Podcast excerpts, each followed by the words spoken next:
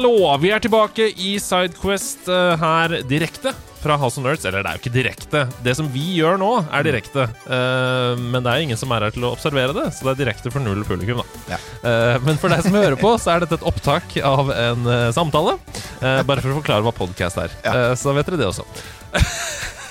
Velkommen tilbake til denne serien hvor vi går gjennom uh, Altså Sidequest er jo en, en serie der vi kan på en måte dykke litt mer ned i temaer knytta til spill. Uh, Hovedpodkasten til nederlandslaget er jo veldig generell. Handler om veldig mange ting innenfor gaming. Mens her kan vi liksom gå inn i ett og ett tema. Og det er det som er gøy med det.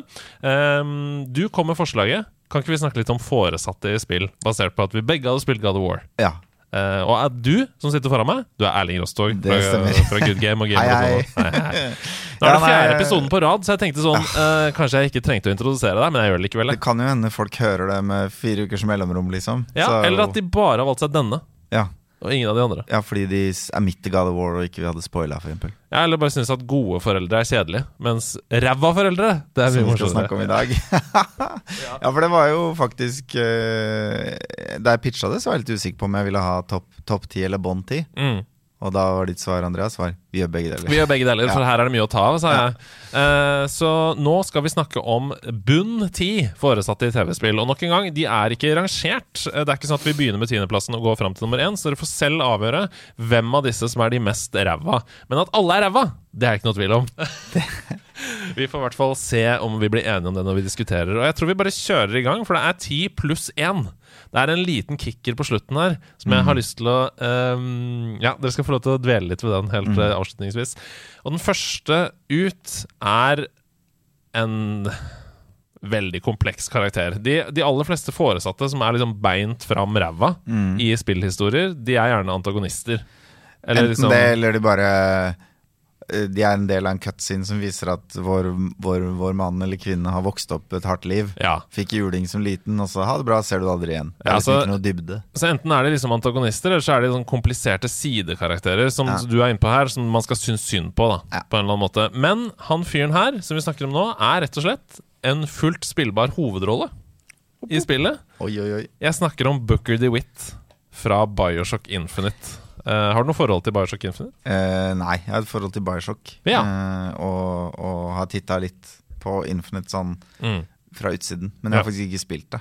Nei, så bra jeg kjenner ikke så godt til eh, Bookers uh, Jeg vet ikke engang hvem barna hans er. Nei, og, og nå kommer vi til å spoile, ikke sant? Ja. Vi, for å forklare hvorfor Booker DeWitt er så ræva far, så er vi nødt til å spoile hele spillet. Ja, for det Eh, avslører selvfølgelig I det siste kapittelet. Ja. Uh, og det er jo et ti år gammelt spill, da, så det må vi få lov til å gjøre. Uh, men det er også et mesterverk. Eh, Så here goes. Og kanskje hvis du spiller Bioshock Infinite nå med å vite dette, så tror jeg kanskje du får en litt kulere opplevelse. Det blir som å se den eh, Ja. sjette sansen gang to. Nettopp! Ja. Eller at du ser på en måte Det er som på Rå, da. Du ser mordet på starten, og så Ja. må du skjønne underveis. Ikke sant? Men Ja, ja. eh, hele spillet Bioshock Infinite handler jo om forholdet mellom Booker og en karakter som heter Elizabeth. Ja. Eh, Som man møter underveis. Og mot slutten av spillet så går de to gjennom noen sånne dimensjonsrifter i form av fyrhus. Altså sånne fyr som står ute i havet. Så når du går inn ett, så kommer du ut et annet sted. på en måte Eh, Og der ser vi da at Booker DeWitt i fortiden sin solgte sin egen datter, Anna, til en mann som heter Comstock. Og, og For at cash, liksom? ja, Ja, okay. og grunnen til at han gjorde det, var for å betale ned sin egen enorme gamblinggjeld. Ja. Så den eneste måten han kunne på en måte erase, altså slate, uh, clean slate, Ja. var å selge sin egen datter til Comstock. Og da får han clean slate, men han angrer umiddelbart da, på det at han har gjort det, men det er for seint. Comstock forsvinner inn i en sånn dimensjonsrift med datteren. ja. Og Comstock er han som styrer hele Colombia, altså den byen som vi Denne befinner oss som Bioshock Infinite befinner seg i. i, oppi, oppi lufta. Ja. Og både vi og Booker som spiller, vi skjønner i dette flashbacket at Elizabeth, som vi har spilt med hele livet, er Anna. Ja. I voksen versjon. Altså datteren hans. Vet hun det? Ja. Ja. Vi skjønner da også da at hun har hatt et ræva liv som voksen, sammen med da denne Comstock. Mm. Um, og Derfor så spør vi da Elisabeth det klassiske liksom, Hitler-paradokset. Kan vi åpne en dimensjonsportal til den dagen Comstock blir født? Mm. Sånn at vi kan uh, drepe han Ja. og forhindre i fremtiden at jeg kommer til å selge min egen datter Ja. til denne Comstock. Istedenfor å ta et oppgjør med seg selv, så vil du heller drepe. Ja. Det veldig Da tar du ikke akkurat ansvar for hvor mye av dette her som er forårsaka deg. Nei. Nei. Og her kommer mindblow-øyeblikket. For Anna sier åpenbart, det kan vi fikse, Anna Elisabeth, altså, denne personen. Og når man gjør det, og går gjennom denne portalen, så innser man da at Comstock, det er Booker DeWitt. Selv.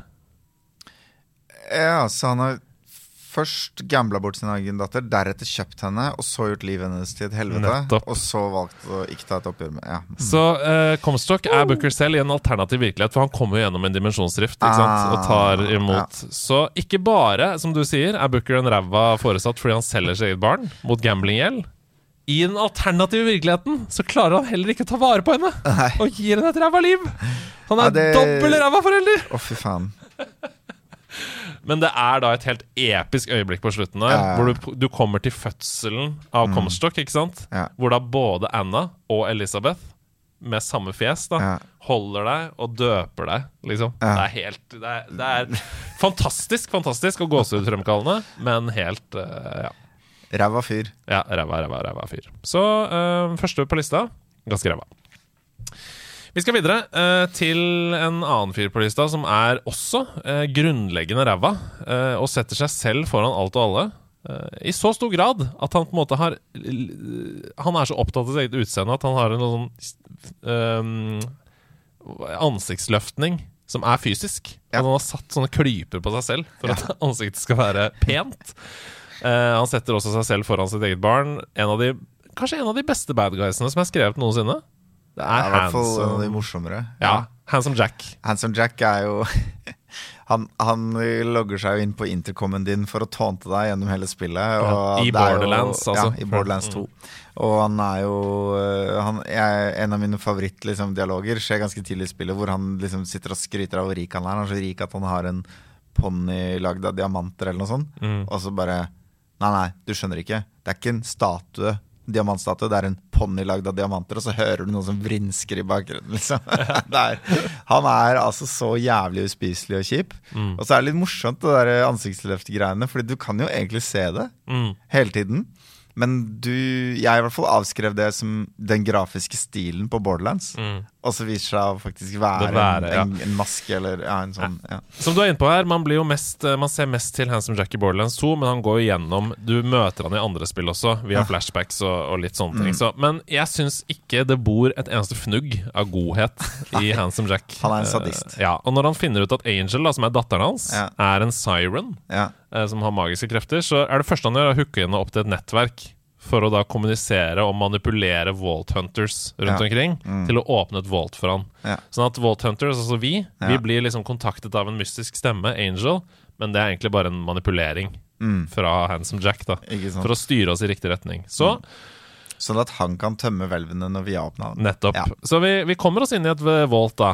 Men innser da, Handsome Jack innser da at han må lade opp en nøkkel, altså en Vault key, Mm. uh, for, å, for å kunne åpne. Og den eneste måten å få det til på, det er å torturere Angel, datteren. Uh, ved å lede et sånt alien-element gjennom henne og Ja. inn i nøkkelen. Så hun ligger sånn øh, øh, i en lang periode og på en måte får denne gjennom seg. Ja, han har, eh, han har en businessmodell, og ingenting står mellom han og penga han kan tjene. Så enkelt er det, ass. Så det fører til slutt til at Angel dør, da. Datteren dør. Ja. Men like før hun dør, så hjelper oss hun, hun oss, Mm. Vault Hunters, med å bryte oss inn der og utfordre Jack. Og det siste hun sier, er å si sånn 'fuck you, Jack', liksom, Mm. og så dør hun. Ja. Uh, og da blir han lei seg.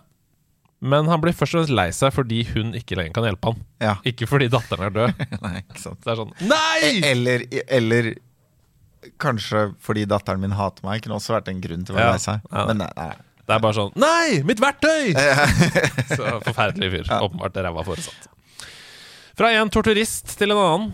Eh, vi skal nok en gang inn i en av få skrekkspillserier som jeg makter å spille. Uh, og derfor har jeg også snakka en del om det i nederlandslaget. Det er Silent Hill. Ja. Uh, og dette er hovedantagonisten i både Silent Hill 1 og i Silent Hill Origins, nemlig Dahlia Gillespie. Dette er gøy, for vi hadde jo Harry Mason fra Silent Hill på lista over beste foreldre. Så det her har vi jo Her har man på en måte ytterpunktene da, Ja, i samme spillserie. Og noe av premisset i det spillet her Det er jo at Dahlia er en sektleder Mm. i sekten The Order. Um, og den sekten forsøker å gi liv til en sånn ond gud som hun tilber, da. Ja. Uh, og det minner egentlig om alle andre sekter, den sekten her, fordi hun ser for seg at denne guden den skal komme tilbake til verden og gjøre verden til et bedre sted. Så det er på en måte drevet Altså de onde handlingene. Og det er kun de tro, troende som på en måte vil få frelse, alle andre vil dø. Nettopp. Så Derfor så er hun også villig til å gjøre det aller meste for å få det til. Fordi hun på en måte blindt tror på dette her, inkludert da å torturere sin egen datter, eh, Alessa. Både fysisk og psykisk i årevis, da. Og hun sier jo, sånn som alle andre sekter, at uh, I'm doing this to save your soul. Ikke sant? Mm Eh, min datter. Du må se lyset. Du må komme inn i Ikke sant? Mager trøst, vil Ja, jeg si. ja, ja, ja. Mm. Ehm, så hun gjør det jo åpenbart fordi hun er glad i sin egen datter. Hun Mm. er så overbevist at hun tenker at hun kommer til å dø ikke sant? hvis jeg ikke gjør det.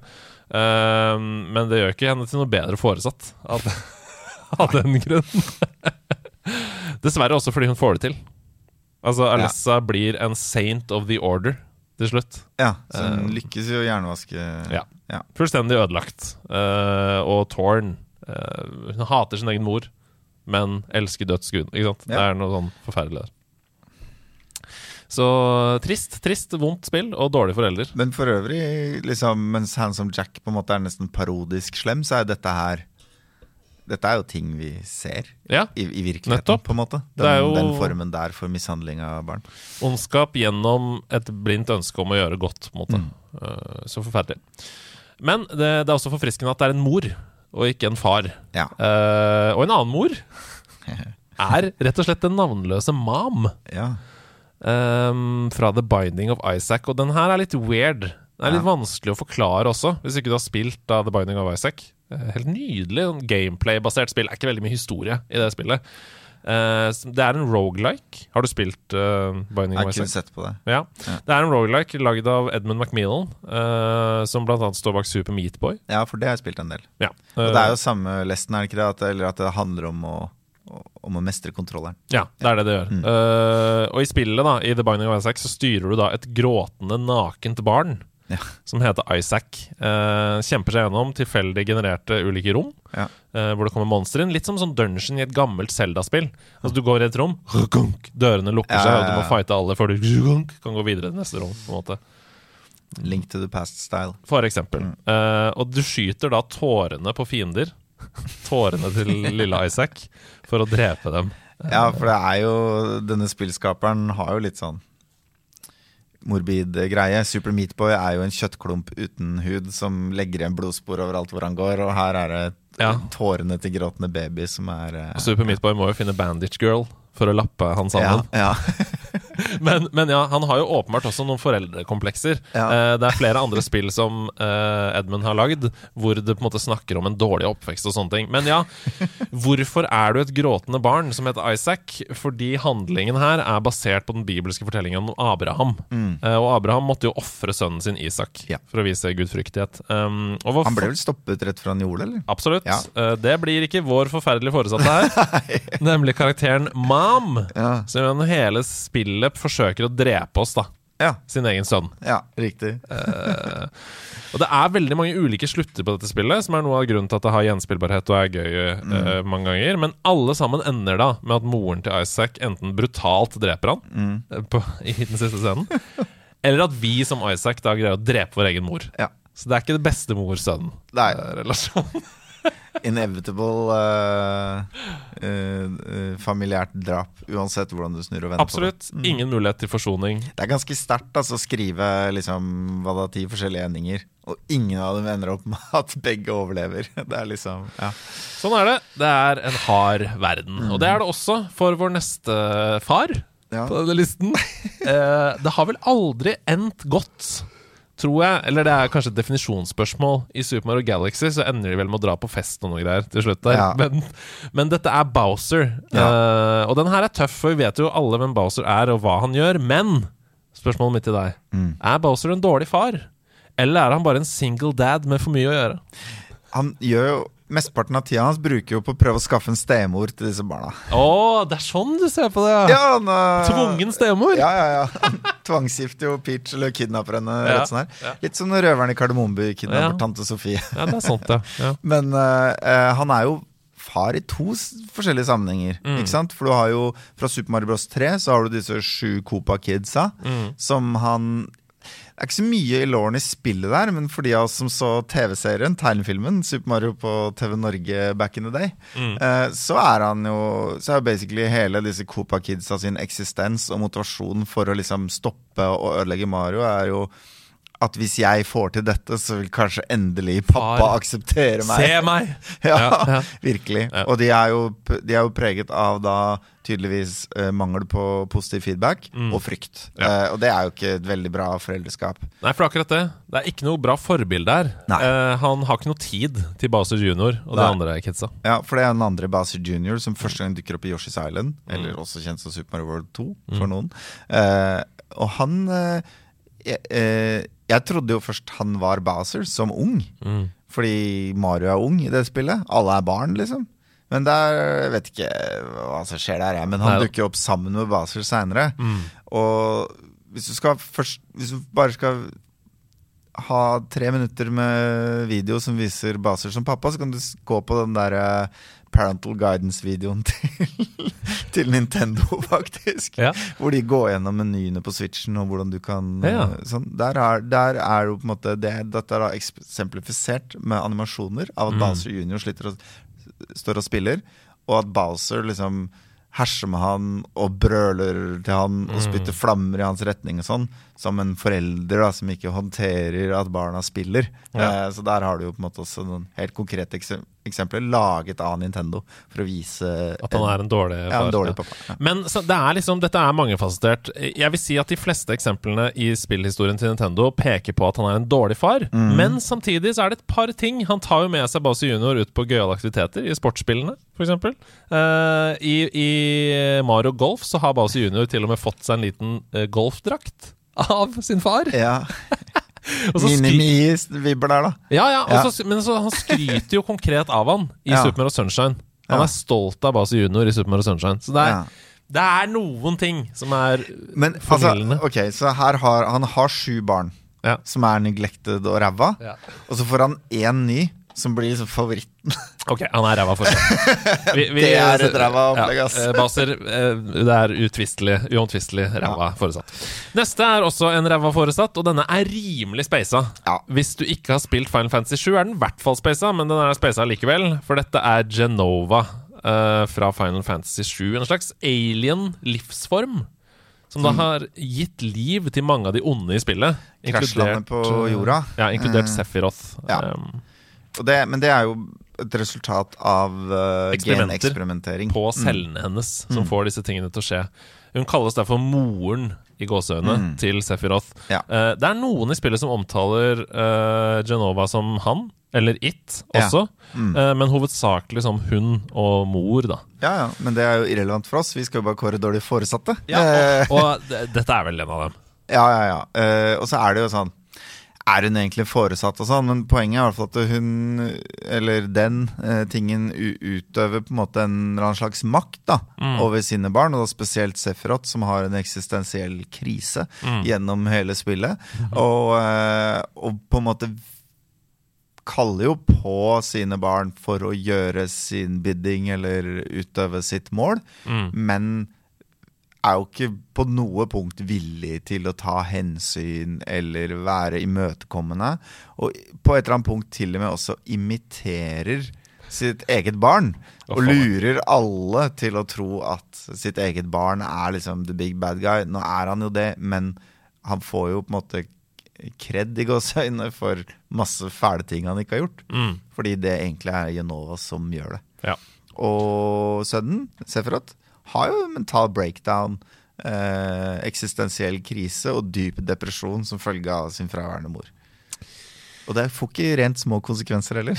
Nei, det gjør ikke det. Så nok en gang en på lista her som det er vel umulig å konkludere med noe annet, at det er en ganske dårlig foresatt. Ja.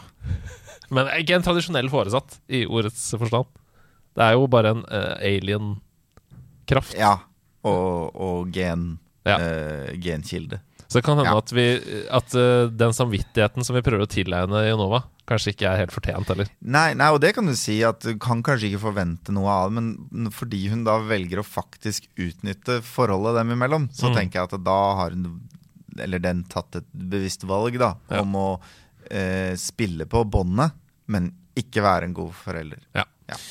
Den neste på lista er vanskelig for meg å svelge. eh, fordi jeg personlig er så utrolig glad i henne Ja. som karakter. Um, det er en egyptisk heltinne. Mhm. Det er Ama fra Overwatch-universet. Og hun er moren til Farah, eller? Helt riktig. Moren til Farah. Uh, men ikke en spesielt god mor for Farah. Um, hun, er ikke, altså hun er åpenbart ikke en dårlig person. Uh, det vet vi jo fra Overwatch-Lauren. Men hun har bare ikke klart å være noe god foresatt for Farah. Eh, ut fra hva vi har kunnet se gjennom tegneserier, gjennom Lauren underveis, og cutscenes osv. For i den Lauren til Overwatch så har hun alltid vært en helt. en Helt inne, hun, både i offentligheten og også behind the scenes i Overwatch-systemet. Greid å liksom lappe sammen noen uh, dårlige forhold mellom andre og sånne ting. Ja. Men ikke for sin egen datter. Så hun har vært busy med å være helt, og ikke vært til stede i hjemmet. Yes, så det, det er den ene tingen av det. Mm. Veldig busy. Men en annen grunn til at de har hatt et veldig anspent forhold, det er fordi Farah alltid har strukket seg etter Anna og prøvd å være som moren hennes. Åpenbart, når moren din er en heltinne som blir Mm. Hyllet av alle, så du har jo lyst til å være det samme. Um, Ana har forsøkt å holde Farah i sikkerhet hele tiden. Klass, litt sånn klassisk der. Litt som Eh, Kratos, egentlig. Nettopp. Mm. Men, men måten hennes å deale med det på, er å være unødvendig autoritær Ja. og kjølig overfor Farah. Eh, som en slags leder, og ikke som en forelder. Ja. Um, men det verste av alt Altså Det er én ting, men det verste av alt Det er grunnen til at hun har denne øyeskaden. Uh, som du kanskje ser i, i spillet. For Ana ble skadet under et mission for Overwatch. Såpass skadet at hun holdt på å dø. Ja. Um, og i da et sånn feila forsøk på å holde Farah trygg, så lata hun som hun var død. Ja. I årevis! Riktig. Så, så hun har vært forlatt av sin egen mor? Ja! Farah. ja. Eh, Ana lata som hun var død, flykta, skjulte seg med en annen identitet, mens Farah sørget da i, i årevis. Og når hun endelig da tok til vettet og tenkte vet du hva, jeg kan ikke drive med dette, jeg må finne tilbake til min egen datter, så tok hun kontakt, hold deg fast, via brev. det er feigt, ass. Det er som å slå opp på mail. Ja.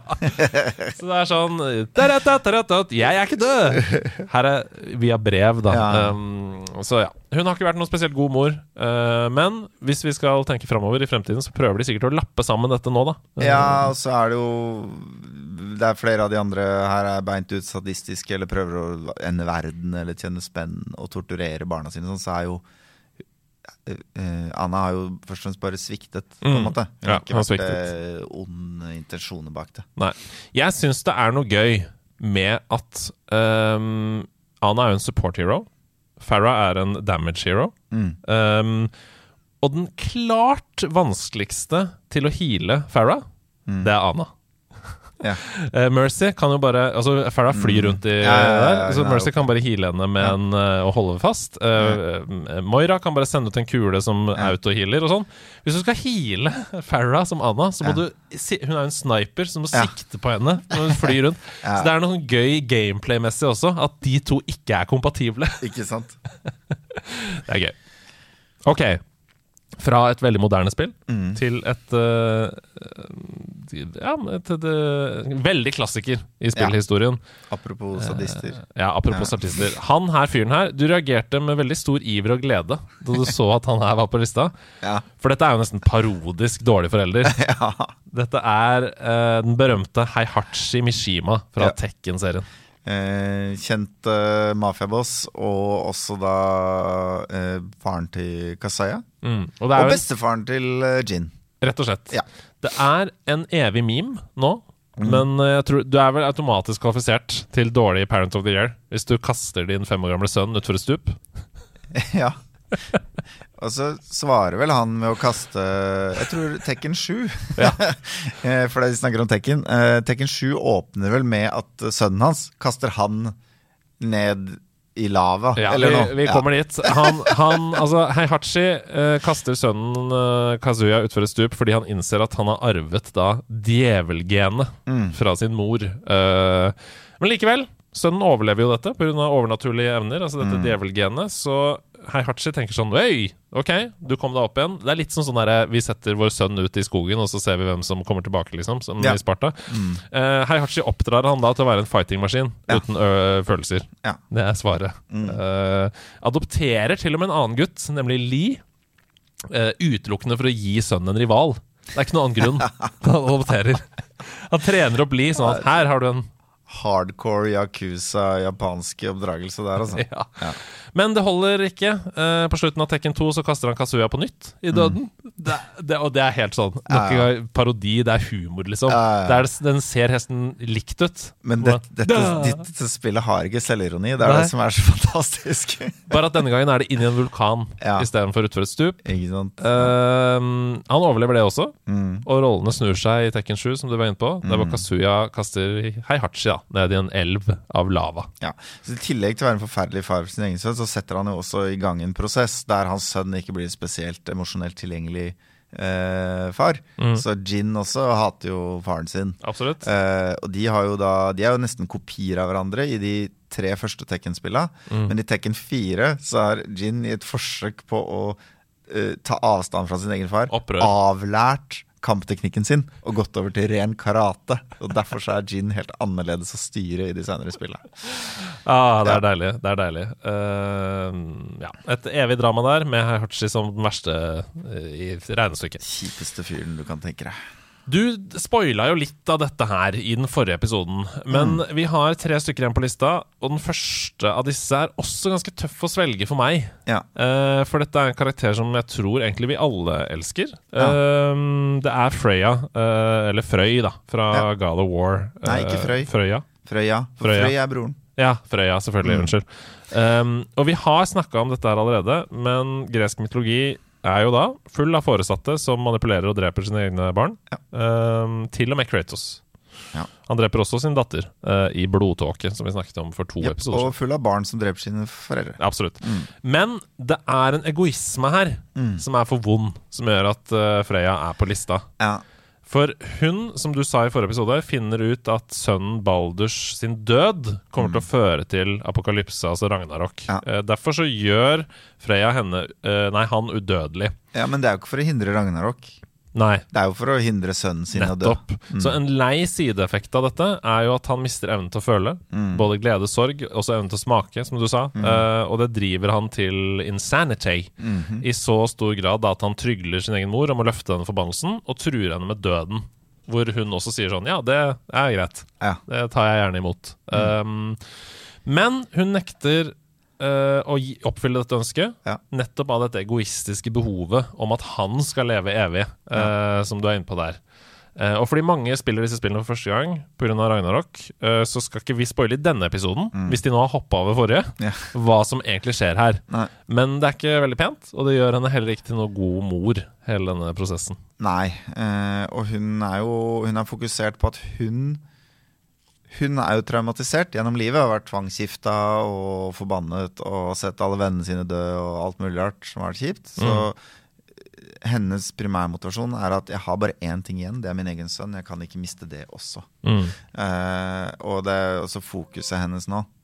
Fokuset hennes nå er um, det, det, går, det går rett og slett på at hun orker ikke mer, på en måte. Mm. Det er jo egentlig ikke å beskytte Balder som er målet, det er å slippe å leve ut i en verden der sønnen er død. Mm. Og det er en ganske grunnleggende egoistisk eh, tanke.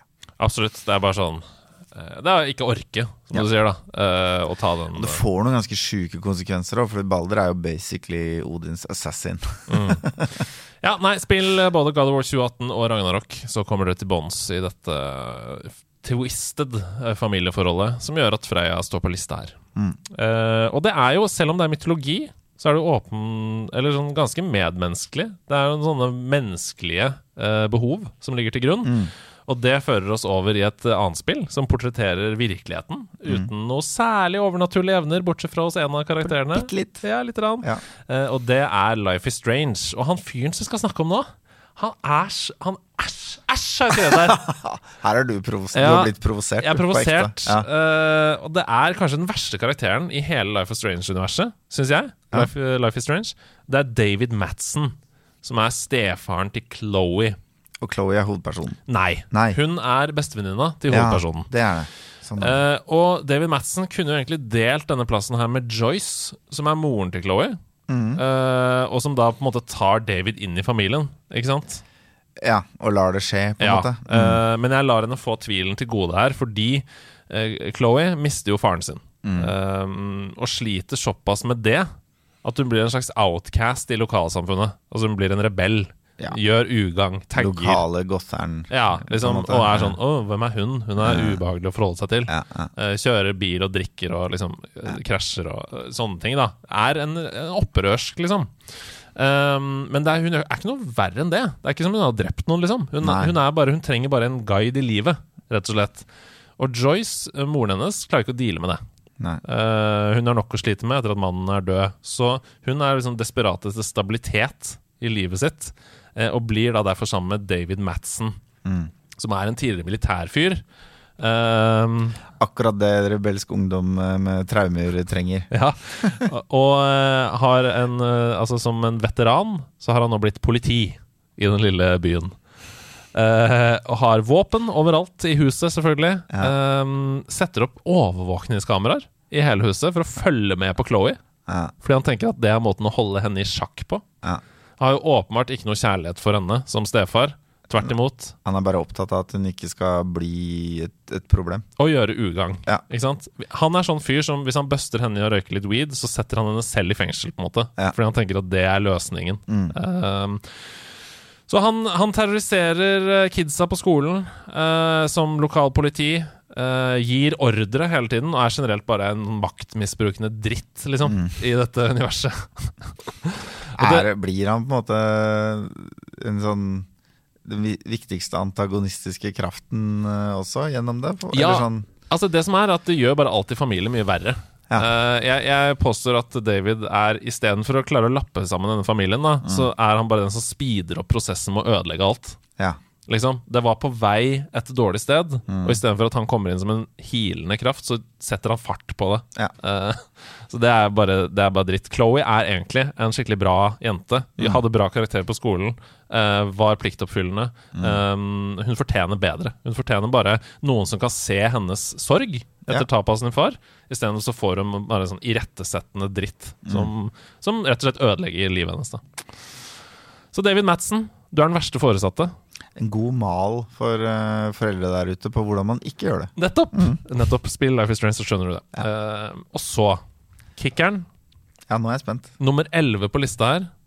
Kanskje min favoritt. Det er deg, Erling. Verdens verste? Og ikke deg i form av at du er far for din egen familie, Nei. men det er både deg og det er meg. Oh, ja. okay. Vi er den verste foresatte som finnes i The Sims. Ja. jeg skjønner eh, hvor du vil. I The Sims så har du og jeg og alle andre som har spilt, fått irriterende babyer som vi har kasta ut, eh, som vi har sletta fra spillet med juksekoder. Vi har fått familier som vi har forlatt. Vi har fått latt barn som blitt voksne, drukna dem i svømmebasseng eh, uten stige der. Vi har latt de tenne for, Altså, det har begynt å brenne i huset. Vi har latt huset brenne ned, bare for å se hva som skjer. Ja. Vi er Vi er å være foreldre i The Sims. Ja. Lokke fram det verste i folk. Ja, jeg skal innrømme at jeg har, ikke, jeg har aldri sletta barn ut av familie med juksekoder. Men jeg har jo sjekka liksom, hm, lurer på hva som skjer hvis huset brenner ned, og alle de Ja. tingene der. Lurer på hva som skjer hvis jeg ikke skifter bleie lenge. Ja, Og så har du En annen greie er jo at hvis du, selv om du lar være å torturere barnet ditt, eh, så minmakser du fortsatt barnet som en ressurs i hjemmet. Nettopp. Altså kun interessant som en, eh, eh, liten eh, person som også kan rydde sine egne tallerkener. Og hvis det er eh, knallstreng oppdragelse som skal til for å få til å ta sine egne middagstallerkener, så er det det du innfører, uavhengig av hva du syns er riktig eller ikke. Absolutt. Og din eneste motivasjon for å gjøre det, er sånn at eh, astronautkarrieren til den du egentlig bryr deg om i husstanden, skal, ikke skal få noen snublesteiner på veien. Så Ja. jeg kjenner meg igjen i det der. Jeg. Absolutt. Og det er liksom andre ting også. Det er sånn hvis eh, Man blir jo gjerne tildelt et ønske. Altså sånn Å ja, dette barnet ønsker å bli kunstner, f.eks. Nei, Ja. fuck det, da. Det er, ikke vil- det, det er det ikke penger i. Nei, nei, nei. Nei. Du skal drive med, med liksom ingeniør. Du skal bli engineer Ja, isteden. fordi da får jeg råd til fetere møbler i det huset jeg egentlig driver og bygger, som er grunnen til at jeg spiller spillet. Det er, det er altså Vi tar førsteplassen i min bok. Eh, Ja. Vi i det store kollektivet av Ja. verden som foreldre i The Sims. Um, og jeg må også si at um, uh, The, The Sims i seg selv er jo en sånn maur. Altså sånn terrarie. Ja. Hvor man har en stor pinne som man pirker inn i Mm terrariet. Det er jo sånn det føles. ja, og hvor du kan både utforske Altså Du kan gjøre ting som på en måte er forbudt, hvis du skjønner. Altså brenne ned ting, men også finne ut av ting. På godt og vondt, da. Ja da. Jeg hørte jo på episoden med Var det Grunde Ja. eh, her. Han hadde jo liksom brukt Sims til å finne ut av legning og sånn. Litt. Mm. Så det er en Det er en eh, Det er et eneste stort eksperiment Mm. som ikke tar hensyn til uh, collateral damage inni spillet. Er du enig? Er du uenig, du som har hørt på? Er det vi som er den verste faren? Er det David Madsen? Er det Genova? Eller er det um, rett og slett uh, Handsome Jack? Booker DeWitt? Vet ikke. Eh, utvilsomt en liste over helt grusomme foreldre, i hvert fall. Uh, Enig. så får vi håpe at Altså, det er jo noe fint også, da. Men vi trenger jo motstand for at disse kulturuttrykkene skal gi, få oss til å føle noe. Mm. Så vi må takke dem også, alle disse foreldrene. for Ja, altså er- uten konflikt så er det vanskelig å skrive gode, gode historier. Nei, nettopp. Så det får, være, det, det får være avslutningen her, så det ikke bare blir mørkt. Eh, hvis du har eh, opplevd en dårlig forelder en eller annen gang, så ga det deg kanskje eh, motet til å bli et bedre person sjøl. Ja, eller en god historie å fortelle på fest. Nettopp. Ok, dere. God helg. Vi snakkes. Ha det godt. Ha det godt. Ha det.